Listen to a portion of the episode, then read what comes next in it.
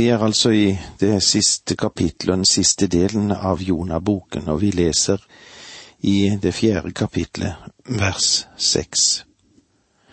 Da lot Herren Gud en resinusbusk vokse oppover Jonah og kaste skygge over hans hode og fri ham fra hans mismot. Jonah hadde stor glede av resinusbusken. Og da vi var sammen sist, så berørte vi dette, tror du på fisken og på denne busken som vokser opp? Og lot den vokse opp over Jonah kaste skygge over hans hode for å fri ham fra hans mismot. Jonah hadde stor glede av resinusbusken. Endelig kjenner Jonah litt glede ved denne lille grønne resinusbusken som vokste opp. Jonah, han gikk hver dag ned til Tigriselven for å fylle en bøtte med vann, og dro opp og vannet denne planten som sto der frisk i et tørt land. Og han ble meget sterkt knyttet til denne busken fordi den betydde så mye for ham. Og ikke bare for han, men også for livssituasjonen. Og vi forstår litt av menneskenaturen òg, så det letter for oss å forstå Jonah noe bedre dette. Det er overraskende hvordan mennesker kan bli knyttet til levende ting utenom mennesker. Spesielt om de er ensomme. Om de ikke har noe menneske som de kan elske eller ha omgang med. Så kan det være en hund eller en katt eller en hageflekk, og få dele den kjærligheten som de har, og den omsorgen som de ellers ville ha vist til mennesker. Jonah, han har ingen venner. Han liker ikke ninevittene, og det finnes ikke et eneste menneske i den store byen som han bryr seg om å besøke. Han er alene, og for øyeblikket har han ikke noe særlig fellesskap med Gud heller. Så la Gud han binde seg til en liten busk. Jeg kan nesten se for meg hvordan Jonah vannet denne lille busken og snakket med dem og stellet med den, ja, han var omhyggelig i sin omsorg. Kan du se det for deg? Av og til må jeg smile litt når jeg er ute og går og hører menn og kvinner som lufter kjæledyrene sine og snakker med dem. Ja, de kommer med rene kjærlighetserklæringer. Og jeg skulle ønske at alle som snakker så vennlig til sine kjæledyr, hadde snakket like vennlig til sine ektefeller og til barna og barnebarna sine. Jonah var knyttet til denne resinusbusken. Dette spilte en positiv rolle i livet hans, det. Legg nå merke til hvordan Gud beveger seg innpå Jonah, vers syv. Men ved daggry neste morgen sendte Gud en orm, og den stakk resinusbusken så den visnet. Gud sendte en orm. Denne ormen er like mye et mirakel som fisken. Og den stakk resinusbusken så den visnet. Denne ormen ble ikke forelsket i resinusbusken. Den tok livet av den vers åtte. Da solen sto opp, sendte Gud en brennende østavind, og solen stakk Jonah i hodet så han ble helt utmattet. Han ønsket seg døden og sa, Jeg vil heller dø enn leve. Hva ser vi her? Jo, vi møter igjen ønsket som Jonah har, han vil dø. Men denne gangen er det ut fra en annen synsvinkel enn det han fant grunnlaget for å leve. Her var det en resinusbusk som var død.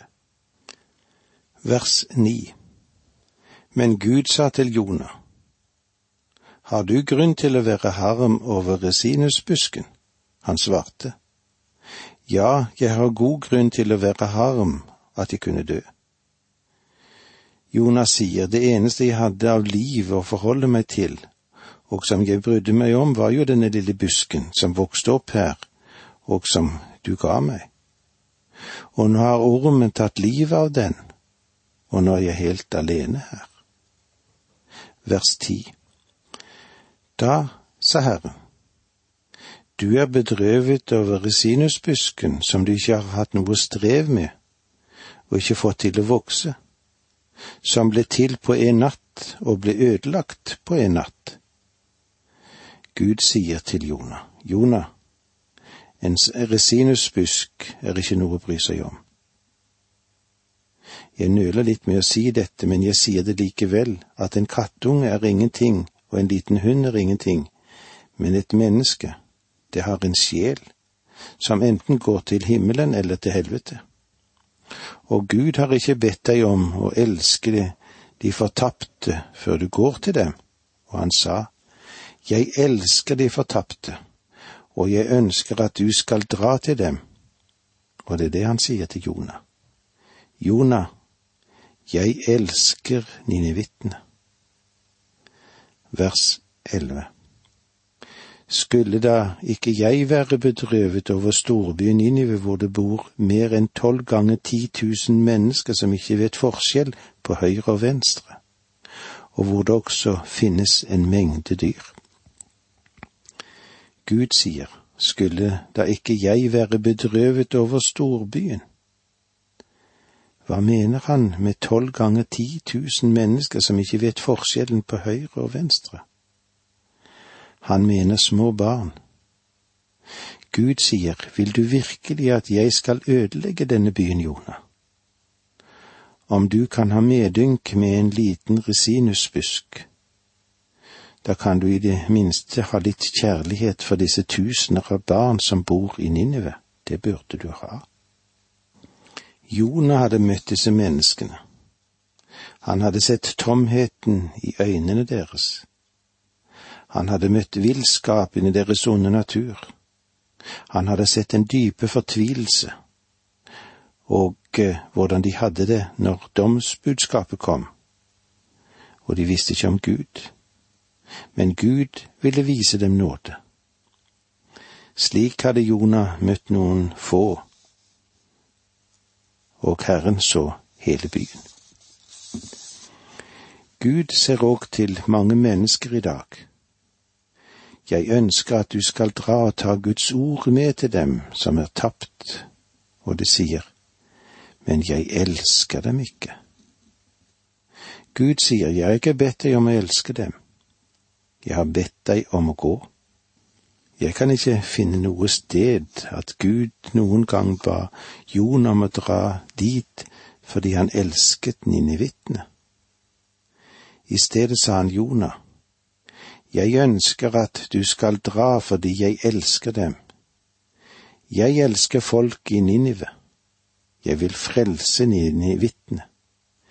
Jeg ønsker at du skal ta mitt budskap til dem. Og Gud, han sier til oss alle sammen, både til deg og meg, du må gå med ordet. Jeg elsker de fortapte. Du må gi ordet til dem, og når du blir frelst, og du blir kjent med dem og vet om dem, så vil du også elske dem.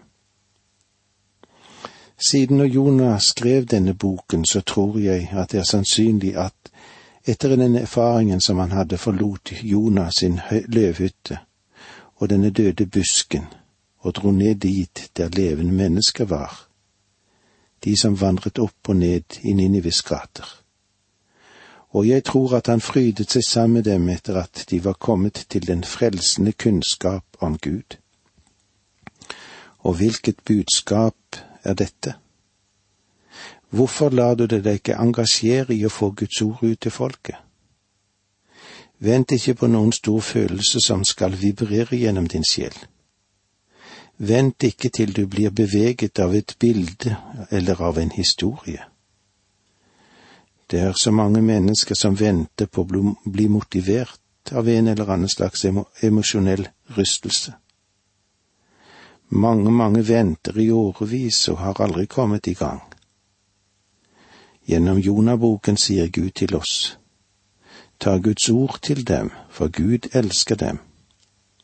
Og hvis du vil gjøre det, så skal jeg garantere deg at du kommer til å lære deg til å elske den fortapte verden. Og det var så langt vi fikk med oss ifra Jonaboken. Takk for du var med oss, må Gud velsigne deg. Dette undervisningsprogrammet består av to deler. Åge Nevland fortsetter nå med andre del av dagens undervisning. Vi er eh, nå kommet til Johannes sitt første brev. Et eh, kjærlighetens brev, kan vi si. Og eh, vi skal nok få mye glede av å gå gjennom dette i fellesskap. Og jeg håper at du tar deg tid til å være med oss. Leser vi gjennom brevet, vil vi oppdage at noen forfatternavn ikke er angitt i det hele tatt. Det sies at det vanlige i oldtiden var at så snart han begynte å lese et brev, så nevnte en brevskriverens navn. Paulus gjorde jo det veldig ofte. Det kan vi se om i, i Romerbrevet i det første kapittelet vers 1. Paulus, Jesu Kristi tjener, som er kalt til apostel og utvalgt til å forkynne Guds evangelium, hilse de kristne i Roma. Eller som det står i Galaterbrevet, i det første kapittelet der og vers 1. Paulus, apostel, ikke kalt av mennesker eller ved noe menneske, men av Jesus Kristus og av Gud Fader, som reiste ham, ham opp fra de døde. Men i Johannes sitt første brev så leter vi altså ganske forgjeves for å finne avsenderens navn. Men brevets innhold, det setter oss imidlertid på spor og gir oss viktige antydninger om hvem som brivs, hvem som har skrevet dette brevet. For det første vil vi legge merke til at han må ha vært et øyenvitne til Jesus og det livet som han levde, og at han har vært i den, i den nærmeste krets rundt Jesus. Og eh, det kommer sterkt frem i begynnelsen av brevet, altså i vers én i det første kapittelet det som var fra begynnelsen, det vi har hørt, det vi har sett med våre øyne, det vi så og våre hender tok på, om det bærer vi bud om livets ord. Og det er klart for oss at forfatteren av dette brevet vil kanskje presisere dette veldig sterkt, og vi ser i det tredje verset her i det første kapitlet. Det som vi har sett og hørt, forkynner vi også for dere, for at dere skal ha samfunn med oss, vi som har samfunn med Faderen og Hans Sønn Jesus Kristus. Og eh, i tillegg til dette, så må vi vel kunne si det at han har hatt en åndelig lederstilling. Han har hatt en stor autoritet, som det var stort behov for i de første kristne menigheter. En eh, pekepinne på dette får vi gjennom når vi leser gjennom brevet er Mine barn, mine barn. Som eh, det forholdsvis korte brevet er det brukt ganske mange ganger, dette uttrykket mine barn. Jeg vet du hvor mange ganger? Jo, hele åtte ganger. Her taler åpenbart en av de som var fedre i den første tid, til sine åndelige barn. Det vil vi se i vers tolv i andre kapitlet. Jeg skriver til dere, mine barn, fordi dere har fått syndene tilgitt for Hans navns skyld. Og du skal òg legge merke til dette uttrykket for Hans navns skyld. Vi kan òg se i vers 18. Mine barn, nå er det den siste tid. Dere har hørt at Antikrist skal komme, og mange antikrister har alt stått fram. Derfor vet vi at den siste tid er kommet. Vi kan vel i tillegg til dette si òg at eh, brevet kan være en fortsettelse av Johannesevangeliet. Mens det der heter, men disse tegn er skrevet for at dere skal tro at Jesus er Messias, Guds sønn, og for at dere ved troen skal ha liv i hans navn. Så lyder det altså i Johannes sitt brev dette har jeg skrevet til dere for at dere skal vite at dere har evig liv, dere som tror på Guds sønns navn. Dere som tror på navnet. Det er eh, noen bibelfortolkere som sier at Johannes sitt brev er et av de siste skrifter som er skrevet i Bibelen. Og kanskje det virker sannsynlig at disse brevene eller epistlene er det siste Johannes skrev. De tre epistlene ble kalt brev, men den første epistelen har ingen brevform. Som jeg sa, det er ingen adressat. Det er ingen hilsen. I åpningen av brevet er det litt annerledes enn de andre, og det er ingen hilsen heller i avslutningen av brevet. Og ser vi på selve stilen, så er det mer som en preken enn et brev. Og denne epistelen bærer alle tegn på et budskap av en hengiven person en pastor, en forkynner, som hadde kjærlighet og omsorg for en bestemt gruppe. Og vel, hvilken gruppe det? Jo, til de troende. Johannes tjente som menighetsleder i menigheten i Efesos. Den var grunnlagt av Paulus. Gjennom seglen har kirken ment at Johannes skrev først sitt evangelium deretter disse brevene eller epistlene, og til sist åpenbaringen før sin død.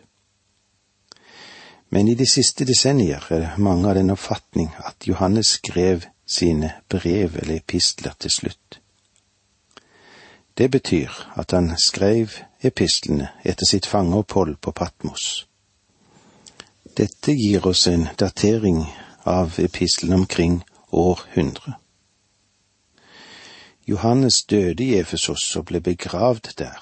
Johannes basilika ble bygget over Johannes sin grav av Justanian i det femte århundre. Vi vil òg se litt på filosofien i Efesos.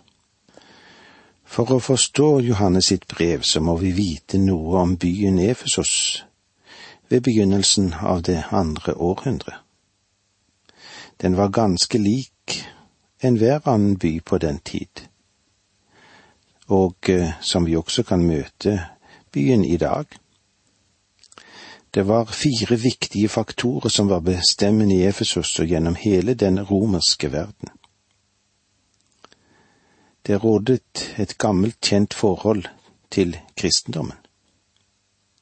Mange av de troende var barn eller barnebarn av den første kristne kirke.